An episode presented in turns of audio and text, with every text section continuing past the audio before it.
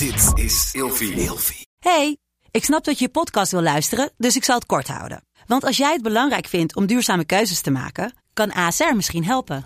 Nou hoor ik je denken, hoe dan? Nou, bijvoorbeeld bij het duurzaam herstellen van schade. Of de premies die we beleggen volgens ons duurzaam beleggingsbeleid. Dat bepaalt waar we wel en juist niet in investeren. Wil je meer weten over welke duurzame keuzes ASR maakt? Ga dan naar asr.nl slash duurzame keuzes. ASR doet het. Zo, dan kan je nu lekker naar je podcast luisteren. Slapen jij en je partner al jaren in hetzelfde bed en wordt het tijd dat je de onderdelen van het bed moet vervangen?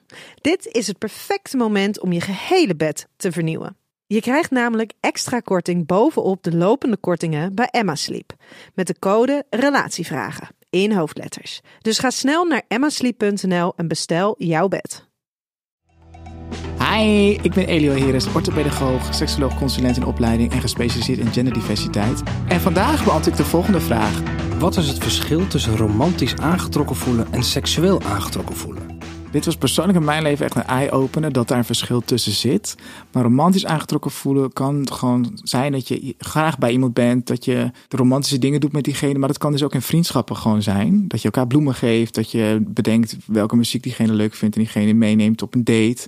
Maar niet per se dat je die ook daar seks mee wil hebben met die vriend. Vaak wordt er gedacht dat het allemaal in een relatie moet zijn. Je moet je seksueel aangetrokken voelen, je moet seks hebben, je moet romantisch zijn, je moet roos voor elkaar kopen, lieve dingen doen. Maar dat kan je natuurlijk ook in vriendschappen doen. Dat is ook net zo goed een relatie. En de kinderen die tussen de twee en vijf, die verwarren het ook wel eens dat ze gewoon graag bij een ander vriendje willen zijn, daar wil mee willen spelen, die zich fijn voelen daarbij en dat ze dan zeggen ik ben verliefd, terwijl dat gaat dan nou niet over verliefd zijn, het gaat meer over genegenheid en dus dan nou, romantisch aangetrokken voelen tot iemand. Maar je kunt toch ook verliefd zijn zonder seksueel aangetrokken te zijn? Maar dan heb je denk ik het nog over die genegenheid en dat je graag bij iemand wil zijn. Ik denk verliefdheid dan, ja, dat goede vraag. Ik denk dat dat dan weer persoonlijk is of je dan ook vanuit verliefd zijn seks met iemand wil hebben.